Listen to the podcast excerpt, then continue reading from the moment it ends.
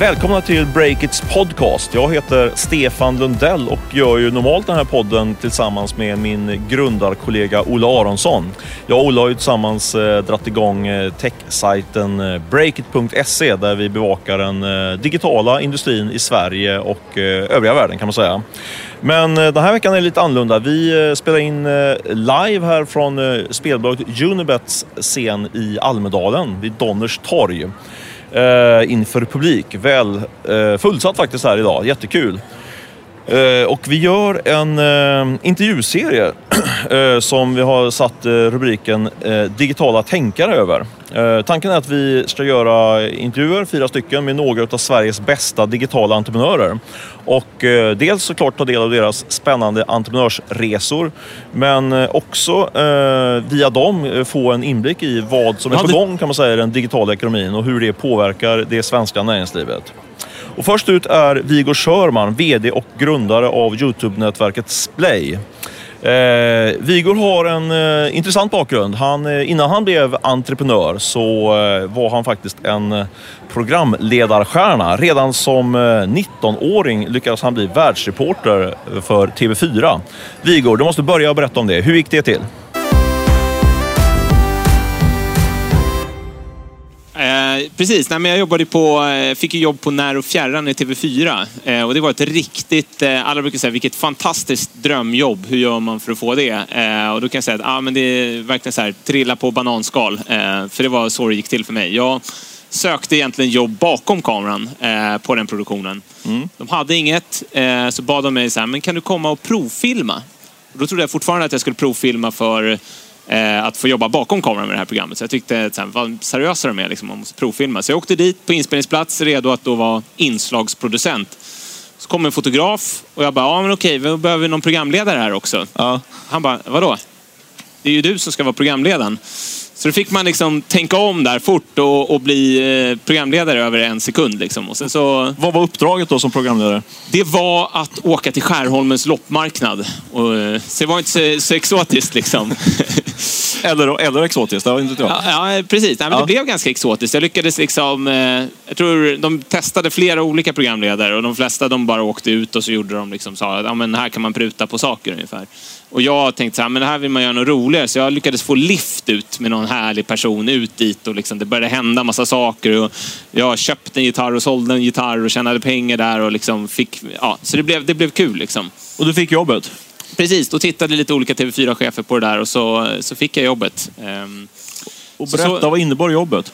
Ja, men då tänkte jag så här, okej, Skärholmens loppmarknad, what's next? Liksom? Är det Helsingfors eh, eller någonting sånt? Men då kom de tillbaka och sa så här, nej, ehm, vi vill att du ska resa jorden runt. Här har du en eh, backpackerryggsäck, du får 300 kronor per dag. Eh, åk ett varv runt jorden och eh, var personlig. Eh, och det var ganska kul för man var, fick inte riktigt vara det i tv eh, på den tiden. Så då eh, drog jag iväg eh, och gjorde det där under två, tre månader. Och så kom jag hem och ja, på den vägen var det. Och på den vägen blev jag tv-kändis så att du kände igen mig från tv helt enkelt. Vad, eh, hur gick det vidare? Alltså sen så var du kvar där på När det fjärran ett bra tag. Men, och du spåddes vad jag förstår, en lysande karriär som, som eh, programledare. Men, men det blev inte riktigt så. Du ställde dig bakom kameran kan man säga på och började jobba för Meter, produktionsbolaget. Ja, precis. Nej, men jag funderade, jag, liksom, jag gjorde det där programmet. Jag var väl rätt sugen på att göra någonting annat. Jag fick ett sån här riktigt lukrativt erbjudande från en annan tv-kanal. Ett sån här mångmiljonkontrakt. Är det sant? Som jag faktiskt tackade nej till. Eh, Varför då? Eh, ja, men det var lite kul. Jag tackade, det var faktiskt eh, TV3 som kommer det där. Som, som idag är, då är lite delägare i, i det bolaget som jag driver. Men, Just det. men då tackade jag nej i alla fall. Eh, så att, nej, men det var, de var liksom oklara på vad man skulle få göra för program och eh, kände att så här, nej, men det där kommer inte bli bra. Så kände man att alla mina kompisar, de pluggade fortfarande. Skulle jag gå runt där med miljonlön när de pluggade, det skulle inte bli något kul. Det skulle kännas konstigt. Så att, då tackade jag nej. Jättekul låter det. Och la faktiskt ner programledarkarriären och eh, började jobba bakom kameran istället. Vad gjorde du då för Meter? Berätta, du var där ett, antal år. Precis. Ett, ett av Sveriges största produktionsbolag va? Ja, precis. Nej, men dit kom jag för eh, ja, att hjälpa dem att utveckla tv-format. Så mitt jobb var att hitta på nya tv-program och sälja dem både i Sverige och utomlands. Något sen- program man känner till eller?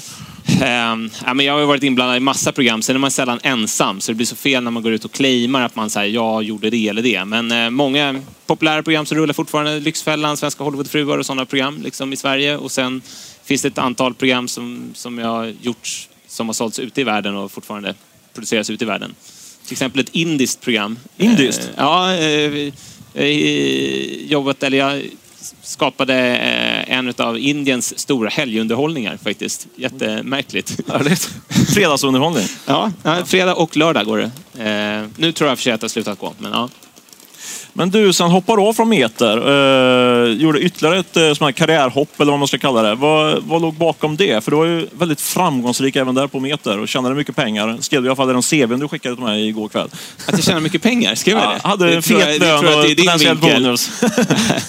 eh, ja, nej men... Eh, ja, men du hade ett bra jobb, ett schysst, väldigt schysst jobb, attraktivt ja. jobb. Så nu kände jag att nej, men nu hoppar jag av och blir entreprenör istället och drar igång det här Youtube-nätverket. Hur tänkte du? Om du berättade lite grann om den eh, analysen kan man säga då, som låg bakom att du hoppar av.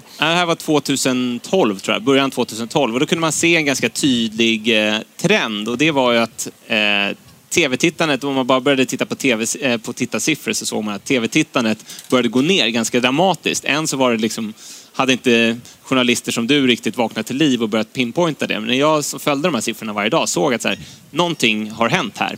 Mm. Eh, så det var det, det ena. Det andra var nog någonting som kanske var svårare att ta på. Det var att tidigare när man jobbade med tv och man utvecklade tv-program så det roliga var att alla alltid pratade om tv-programmen. Alla hade sett de senaste programmen, man var nyfiken på nya format. Det var det som liksom man pratade om i fikarummen. Eh, och där kring 2012 så slutade man göra det, framförallt då vad det gällde nya program. Man pratar kanske fortfarande lite om Let's Dance och Melodifestivalen, men det finns egentligen inget vanligt tv-program som har lanserats de senaste fem åren som har tagit fäste. Folk pratar inte om det, det är inte relevant längre. Men pratar man om det skiftet på meter och andra program? Alltså nej, man nej, nej, det, det pratar man knappt fortfarande om. Utan man, eh, det är ju som med alla branscher som förändras och digitaliseras, att det är ett strutsbeteende ända tills man blir omkörd. Och det, så har man ju sett i historien genom alla tider, när någonting förändras ordentligt så är det aldrig de som sitter och är ledande som lyckas ställa om. Det kommer alltid nya konkurrenter och blir de som kör om. Liksom. Men hur var det hoppa, du hade ju en, en, en eh, så säga, track record bakom dig då när du hoppade av. Men hur, hur enkelt eller svårt var det att, att, ta det och sätta igång på, när, liksom, när övriga tv-marknaden inte, inte, inte såg samma sak som du såg? Nej, men alla tyckte man var dum i huvudet att man eh, sa upp sig från sitt jobb för att starta en Youtube-kanal. Det var ju, på Youtube finns ju katter och eh, liksom, eh, små barn som man lägger upp. Hur ska du tjäna pengar på det här? Ja. Så det var, det var väl det man fick, eh, fick möta. Eh, men sen nu är det ju samma folk som säger fasen vad härligt, vad bra, snyggt gjort det där. Men, men folk är faktiskt ganska så schyssta som, som ger en liksom cred att det var snabbt spottat. Liksom. Vad tror du, vad kommer sig att du spottade så fort då? Om du ska vara inte, ja, om du ska kan göra så här lite grann om det på hur duktig du är. Men alltså, vad, vad, tror du att du såg det som ingen annan såg helt enkelt? Nej, men det är som med det mesta, det gäller att ha timing och så våga när man ser någonting. Mm. Eh, och det gjorde jag den här gången. Det hade man väl kanske gjort många gånger tidigare i livet man inte hade gjort och så kanske ångrat sig. Jag kommer ihåg när alla appar började komma. Då tänkte jag, men jag hade en massa appidéer som jag skulle lansera. Men så gjorde jag aldrig det. Satt jag kvar där. Hade min fasta månadslön och tyckte det var bekvämt liv. Liksom. Och då eh, kände jag, nej fasen, där skulle man hoppat på. Så kände jag samma chans nu. Då tänkte jag, nu, nu, nu hoppar vi, ser hur det går. Liksom. Men hur gick det då när du hoppade? Alltså, för då försökte du sy upp, vad var strategin då så att säga? Sy, sy upp de, de största Youtube-stjärnorna, liksom, eller hur tänkte du liksom, när, du, när du drog igång? Eh, men jag startade då ett Youtube-nätverk. Som, det fanns ju inget i, i Norden då, utan det, det hade börjat dyka upp... Ska vi, ska vi berätta vad det är för något? YouTube? Precis. Ja. Så Splay är då ett Youtube-nätverk som finns i eh, hela Norden idag, eh, där vi jobbar med de största Youtube-stjärnorna. Och sen så har det här bolaget nu utvecklats med alla andra sociala medier som har kommit, så vi har snarare blivit ett digitalt mediehus för sociala mediestjärnor. Så vad vi gör är egentligen att vi hjälper dem stjärnor som vi jobbar med. Det kan vara Youtube-stjärnor, Instagram-stjärnor, Snapchat-stjärnor börjar vi ta in nu till exempel och så vidare. Det hjälper dem att bygga sin publik så de får en ännu större och bredare publik. Men också att eh, hitta sätt att samarbeta med varumärken för att kunna tjäna pengar på den publiken man har. Eh, för man har en enorm trafik. Så eh, bara vi i Sverige har, i Sverige har vi över 65 miljoner visningar i månaden på Youtube. Eh, Eh, Kan man jämföra med TV4 eller... eh, Ja, får- är, jämför man med oss med alla tv-kanaler så är vi den största Play-kanalen. Vi är alltså större än SVT Play som ligger kring 40 miljoner eh, visningar i Sverige per månad och jag tror TV4 ligger någonstans kring 18 miljoner. Så vi är alltså som tre TV4 helt enkelt i bara Sverige. Och sen så har vi, finns vi nu i alla nordiska länder och går in i Tyskland också så att vi, vi är enormt stora. Eh, men hur, hur, lätt, eh, hur lätt var det att, så att säga, köpa över de här Youtube-stjärnorna i, i starten? Liksom? Var, var det köparens marknad där lite grann? För det fanns inte så många andra konkurrenter kanske. Ja, jag skulle inte säga köparens marknad, utan vad de... Det fanns då, vid den här tiden så fanns det massa YouTube-stjärnor som ingen kände till. Det fanns alltså YouTube-stjärnor som producerade innehåll i Sverige som hade fler tittare då på sina svenska klipp än vad till exempel TV3 eller Kanal 5 hade på sina TV-program. Och det var ju det som fick mig att trigga igång. Och att ingen såg de här och att ingen tog dem på allvar och att ingen brydde sig om dem. Och det var där jag såg möjligheten att så här, det här går att göra någonting med. Så att då var det ganska enkelt att komma till dem och säga att jag vill hjälpa er och bygga er så att folk faktiskt vet vilka ni är och att ni faktiskt kan tjäna pengar på den här stora publiken som ni har. Och att ni kan utvecklas i det ni gör och kunna producera bättre program. Och idag så, många av de YouTube-stjärnorna som vi jobbar med idag kan leva på det de gör och de kan göra jätteroliga produktioner. Från och, liksom, jag skickade faktiskt iväg, för att knyta ihop säcken där lite grann, så skickade jag faktiskt iväg två av våra YouTube-stjärnor på, en, eh, på ett eget sorts när och fjärran. Eh, så de har rest runt i Indien nu och gjort en fantastisk programserie som då sponsrats eh, i det här fallet utav Comvik. Och på det sättet kan vi göra det möjligt för dem att göra stora häftiga programserier, leva på det de gör och faktiskt få eh, uppmärksamhet. Så, ja, sommar så är det Clara Henry, en YouTube-stjärna som eh, som kommer eh, sommarprata i P1 bara för att liksom, nämna om hur stora de här stjärnorna har blivit. Men du, ni var ju, du var ju först ut, men det, ganska snart kom ju, kom ju konkurrenter på den här scenen. United Screens med Stina Honkama som var Google-chef i Sverige och väldigt eh, eh, tungt namn i mediebranschen. Eh, bara ett par månader va, efter att du drog igång, eller? Hur, Ja, precis. Jag, jag, blev, jag minns fortfarande, man satt hemma och såg den här pressreleasen och bara kände att nu, nu dör jag. Eller liksom eh, benen började skaka på en. Ja. Eh, och så kände jag bara så här, jag får mig att jag ringde till min mamma och sa så här, "Äh, mamma det här gick inget bra. Liksom. Okej. eh, Varför kände du så? Var du så rädd för Stina? Nej, men de gick in, de fick in, eh, de var värderade till 100 miljoner innan de ens hade startat. Det var stora namnkunniga namn. Fick in 20 miljoner från Bonnier tror jag. Ja, bara sådär liksom. Medan vi, vi satt liksom, hade startat en källare på mina sparpengar liksom. Så Var- att, eh, det, var- var, det var ju lite David mot Goliat där. Men Var det därför du sprang till MTG direkt då? För, för, Nej, men det gjorde jag faktiskt inte, inte direkt där. Nej. Det, det kom ett halvår senare. Ja, det var men, så pass, Ja. ja. Men, men sen när jag vaknade nästa morgon då kände jag så här, "Nej, men fasen, det här, vi kan det här bättre. Vi, vi kör på. Och, eh, Eh, de har faktiskt inte varit så stort hot utan jag tror snarare att de har faktiskt hjälpt oss att bygga branschen. Att det eh, kom in så namnkunnigt folk, så mycket pengar direkt in i branschen gjorde att folk tog det mer seriöst. Men du tog ändå in MTG X då, som de heter, som, eh, som är ett dotterbolag till MTG, stora mediekoncernen, eh, som delägare. Eh, och de köpte upp sig ytterligare nu, så de har knappt 50 procent utav Splayer och så. Precis, 49 procent har de. Så här lite grann i efterhand nu, för nu har ju verkligen Splay och även många andra Youtube-nätverk lyft kan man ju säga. I USA värderas de ju till astronomiska summor. Hur känns det? Var tog du in kapitalet för tidigt? Eh, nej, men jag... jag eh, nej, det, nej, det tror jag inte. För det behövdes för att vi skulle våga växa ut i eh, Norden och våga satsa. Eh, så det, jag, jag tycker det har varit jättebra. Sen har MTG varit kanon och låtit oss sköta den businessen som vi vill och hjälpt till med de delarna vi vill. Men vi är verkligen ett helt independent bolag som, som gör som vi vill och eh, jag menar, de är intresserade av oss för den kunskapen vi besitter eh, som de själva inte har. Och sen kan vi dra nytta av deras kanske nära relationer till eh, eh, annonsörer och så och, och kanske få lite mer tyngd i vissa, i, vissa, i vissa fall. Men i övrigt så är det mer... Så att, för tidigt tror jag inte. Sen hade man säkert kanske kunnat fått någon bättre värdering och sådana där saker om man hade jobbat med riskkapitalister. Men det är ändå inte det som vi har drivits av utan det har varit att kunna bygga det här bolaget. Och det är det som är det Men nu ser du generellt på konkurrensbilden. TV4 drar igång ett nytt eh, Youtube-nätverk nu. Eh, för någon vecka sedan kunde vi avslöja på Breakit. Eh, och det finns en massa internationella spelare och sådär. Börjar det bli lite crowded, lite över, överetablerat, eller hur skulle du säga? Ja, men TV4, det är väl egentligen samma, samma analys där. Att det är, på riktigt så tror jag faktiskt bara att det är jättepositivt för oss. Det är ju kanon att eh, Sveriges största te kommersiella tv-kanal har insett att eh, man, måste, eh, man måste ha den här businessen för att vara attraktiv för annonsörerna. För att mm. man når inte den unga målgruppen längre genom linjär-tv. Fast om man tittar på liksom annonspengarna idag. Alltså unga människor är ju på Youtube kan man förenklat säga. Eh, men annonspengarna går ju till till exempel till 4, alltså linjär TV4. Vad, vad tror du det beror på? Att, liksom, att ni inte lyckas locka mer annonsörer? Ja, men det beror ju på precis det som man ser, alltså det är ju samhället i stort. Det är digitaliseringen som släpar allting efter. Eh, det finns ju enorma möjligheter för de som vågar ge sig in tidigt. Och det ser man ju massa bolag som snabbt har kunnat, som har jobbat med eh, annonsering eller jobbat med att samarbeta med eh, sociala mediestjärnor, så kallad influencer marketing, vilket, vilken eh, fördel de har dragit utav det. Så att, eh, jag tror det handlar om att med varumärken och annonsörer och även mediebyråer så har de en gammal modell som man sitter fast i lite grann. Man har sett hur man mäter siffror och är du marknadschef idag, även om du kanske själv tror tror på att så här, men jag, vill, jag vill istället för att lägga de här pengarna på TV4 i vanlig annonsering så vill jag istället satsa på ehm, eh, influencer marketing och jobba med några av de största YouTube-stjärnorna och Instagram-stjärnorna.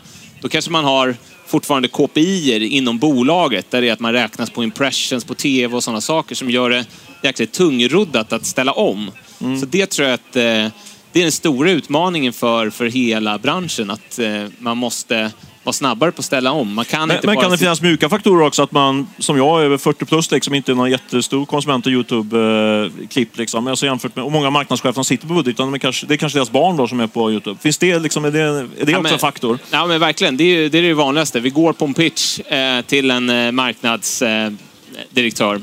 Eh, de tycker våra siffror är fantastiska, men du förstår ingenting. Halvintresserade. Sen har de gått hem och pratat med sina barn och sagt idag var Splay här. De presenterade I just want to be cool, att man ska jobba med I just want to be cool. Och barnen är bara så här, pappa, mamma, fattar du hur stort det här är? Och sen så då får vi genast liksom ett möte till. Där de både vill köpa, liksom, eh, eh köpa våran pitch, men framförallt då ta en selfie med I just want to be cool. Det var liksom lika viktigt. Vad säger det om professionalismen då bland eh, reklamköparna tycker du?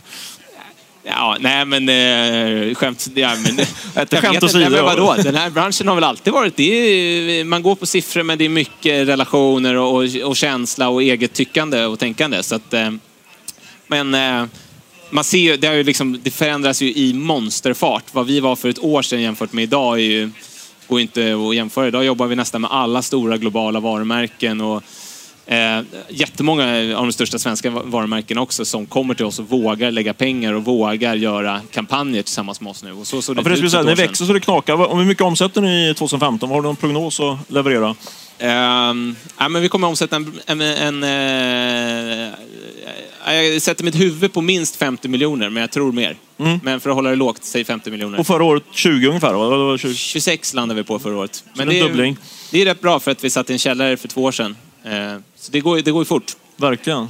Men du, jag tänker på eh, det som man eh, lite så ärevördigt kallar för gammel-tv. då. Man har ju sett det skiftet liksom från linjär-tv till Youtube nu. Eh, vad tror du om framtiden då för, om jag får kalla det då, gammel-tv? Kommer, kommer vi ha kvar det liksom, låt säga om eh, tio år?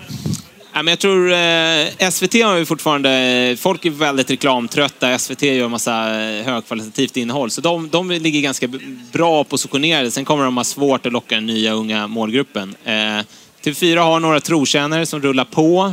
Eh, men sen annars kommer det handla om att den tv-kanalen som på riktigt går in och egentligen satsar allting på live eh, är de som kommer kunna klara linjär. Det är det enda som motiverar att du ska titta på någonting. Så Melodifestivalen Sport eller? Nej. Precis, det är det enda som motiverar varför du ska titta på det linjärt. När du idag kan välja att titta på det var du vill, när du vill, hur du vill. Eh, och i många fall utan reklam för du kan hitta sätt att komma undan reklamen också. Så att, du måste vara live eh, för att linjär-tv ska ha en framtid tror jag. Så det kommer förändras rätt rejält kan man säga, tv-landskapet då på, på sikt? Ja, ja, men det är bara skissa, liksom, kommer vi, ett par kanaler som kommer läggas ner eller? Ja, men det, tror jag, det tror jag. Framförallt, framförallt så kommer man se minskade investeringar i eget innehåll. Eh, mm. tror jag, för det går inte att hämta hem de affärerna. Du, ni har ju dragit igång ett Instagram-nätverk också, GoSnap heter det va? Mm. Det är ju liksom ett nätverk då, precis som för Youtube, som är det för Instagram-stjärnor. det sägs att svenska stjärnor kan tjäna 50, kanske uppåt 100 000 bara för att eh, posta en, en eh, bild på, på eh, Instagram. Kan du bekräfta eller dementera de siffrorna? Ja, men det, är, det, är, det är väl lite tillspetsat, men jag tror att mm, utpriset mot kund om man vill jobba med någon av de största stjärnorna kan vara, vara någonstans kring 50 000, absolut. Men, det, men då, då ligger det oftast kanske bakom att det finns ett koncepttänk som man också har tagit fram. Så att det inte bara att man betalar 50 000. Men det är ju ganska många kampanjer för, för ett antal hundratusen per, per kampanj. Men då jobbar vi ofta med många olika Instagram-stjärnor. Just det. Men tror du att de priserna kommer gå upp? Liksom? Alltså om, man tänker, om man nu ser det här scenariot framför sig att här finns eh, tittarna, liksom, eh, då borde man också pengarna följa med dit. Det är fortfarande väldigt låga kontaktkostnader. Sen så måste man jämföra det med vad man faktiskt får. Att det, det tror jag att det är det vanliga misstaget som många, många fortfarande gör. Att man kanske jämför ett samarbete med en YouTube-stjärna eller med en Instagram-stjärna precis som att man köper en bannerannons eller en tv-reklam. Och det är inte det det handlar om. att När, när någon tittar på, på, på ett YouTube-klipp där ett varumärke är integrerat tillsammans med den YouTube-stjärnan, då har alltså den här personen valt själv att aktivt söka upp det här klippet och titta på det och sitta kvar och titta på det. Mm jämfört med att man vill egentligen se någonting annat och så är man tvungen att se en reklamfilm så man gör allt man bara kan för att fly. Man kanske öppnar ett annat fönster, gör någonting annat, stänger av ljudet och så vidare. Så att, ehm, så att det är två helt olika impressions och samma sak på Instagram. Där väljer man att följa den här stjärnan, man väljer att engagera sig i innehållet, kommentera, likea och så vidare. Det är en helt annan sak än en bannerannons som man, helst, kanske, som man kanske inte ens, ens tar in längre för att man, man är helt immun mot att se alla de bannerserna. Och det är det man ser Tittar man på hela eh, tidningsbranschen eh, online så är det det stora problemet. Att de har byggt en affär kring att de ska tjäna pengar på banners. Att folk klickar på banners. Vilket ingen gör längre. Så därför försöker nu alla tidningar ställa om från bara, bara text och bild till video. För det är det enda sättet att kunna få in videoannonser. Så allting går ju mot video så att säga. Har du, och du tror att det, för det pratar ju många om att det är video som gäller liksom nu. Och det är man, man rankar högre på Facebook och så vidare liksom, om, man, om man postar videoinslag och så. Men eh, har, är vi liksom bara i början av det? Och, och om vi är det, vad ser du liksom framför dig? Eller om du ska skissa lite grann på, på liksom, eh, framtiden inom, inom digitala medier? Jag, jag, är ganska övertygad om att allt går mot rörlig, rörlig bild. Det ser man ju eh, till och med om ni tar utomhustavlorna så har de börjat bli rörliga. För det är sättet att få attention. Folk orkar inte läsa långa texter. Så att jag tror att rörligt kommer behöva finnas med. Nu pratar man mycket kanske om det här, bara hur ska man nå ut med sitt varumärke? Men sen handlar det lika mycket om att när du i framtiden mer kommer gå in på en hemsida, låt säga att du är inne på en banks hemsida och så ska du lära dig om eh, bolån.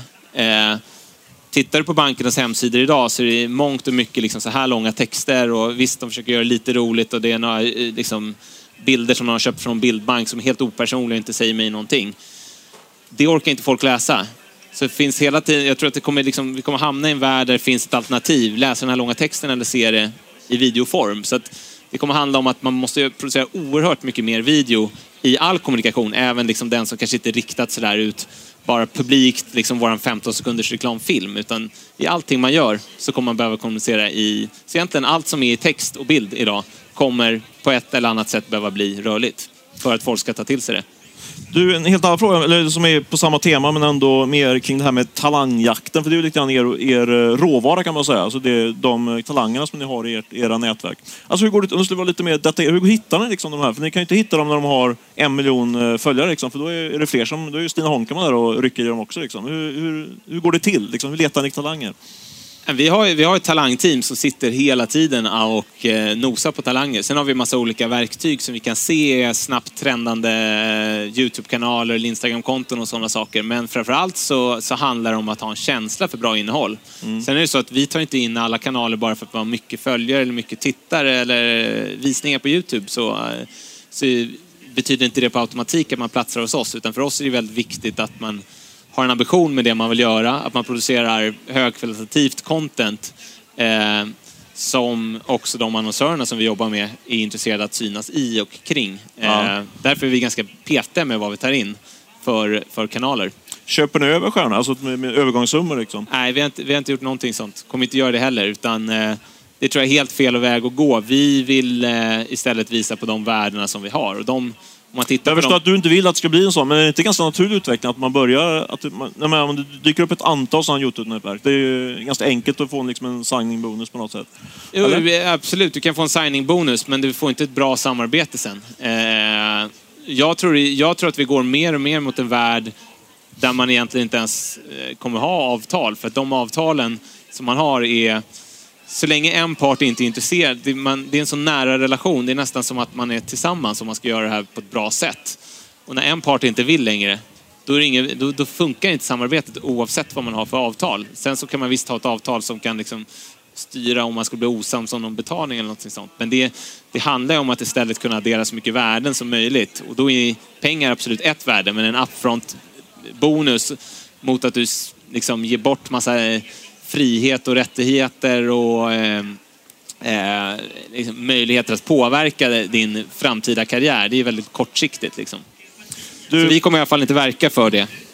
Men uh, Pewdiepie, han har ju, har ju ingen uppdragsgivare längre just nu för tillfället. Han är kontraktslös så att säga. Skulle du vilja in honom i ditt eh, nätverk? Kanske Ja, men- inte Ja, no-brainer. det är klart ja, ja, men det är klart det, det är en no-brainer. Nej men absolut. Eh, Han är ju jättehäftig i det han gör. Framförallt så tror jag att tittar man, han... eh, Har du ryckt i honom nu när han är fri på marknaden så att säga? Nej, men vi, har, vi känner varandra så att vi har en bra dialog. Sådär. Men jag tror i nuläget så är inte vårt bolag rätt för honom. Utan eh, han jobbar på, eh, in, på internationell nivå. Vi fokuserade på att jobba i Norden med de största eh, stjärnorna i Norden. Så att i nuläget skulle inte vi vara helt rätt part för honom faktiskt. Eh, men det är klart det vore kul. Framförallt så tror jag att vad han gör idag, han, han utnyttjar kanske bara en, en bråkdel av den enorma potentialen som han har att monetisera och bygga ett varumärke kring sig själv. Så det hade ju varit superkul. Ja, för jag reflekterar, om man tittar på hans årsredovisning så har han väl omsätter han, jag tror 30 miljoner. Det är ju mycket pengar, men eh, visst skulle han kunna dra in mycket, mycket mer pengar i, på, på årsbasis med tanke på att han har så otroligt många Abs- följare. absolut, sen beror det på vad han vill göra. Men jag tror att vi är det Youtube-nätverket i, i världen som har hittat... Om man, om man jämför våran... Hur vi monetiserar... Vi har hittat modellerna för att monetisera den trafiken vi har. Så att om man tittar på antalet visningar vi har med pengarna vi omsätter så tror jag att vi är det Youtube-nätverket i världen som har liksom bäst, bäst förhållande där. Eller omsätter mest pengar per visning så att säga. Du, eh, Just för att vi jobbar med alla de här olika delarna. Vi ska försöka runda av här snart. Eh, Men jag vill, sista frågan tänkte jag fråga, titta, tittar fram, jag har ju pratat en del om framtiden för media och så vidare eh, och för de andra konkurrerande eh, mediekanalerna. Men om du tittar på Splay då, vad ser du låt säga fem år fram i tiden? Ni omsätter, vad sa du nu, nu har jag glömt bort det. Vad sa du, 50 miljoner plus va, eh, i år. Eh, om du skissar lite grann på, vad, vad, vad står ni om fem år? Om du får vara lite visionär. Men jag hoppas ju att vi kommer fortsätta att eh, eh, utvecklas, eh, dels alla olika produkter som vi gör. Det är ju också så här, när vi sitter och tittar framåt, vi är ju bara i början av all potential som finns. Och sen så, sen gå in i fler länder och i alla fall liksom ta, bli eh, ledande i Europa. Det är ju nästa delmål. Sen så får man ju se... Miljardomsättning. Eh, det är inte den största drivkraften, men eh, det, vore väl skitcoolt att kunna sitta här och säga att man är ett unicornbolag. Eller ja, det blir inte riktigt det, men ändå. Ja. Och är du själv, då är du kvar om fem år. Du har ju många idéer förstått som entreprenör. Massa entreprenörsidéer som du vill utveckla och förverkliga.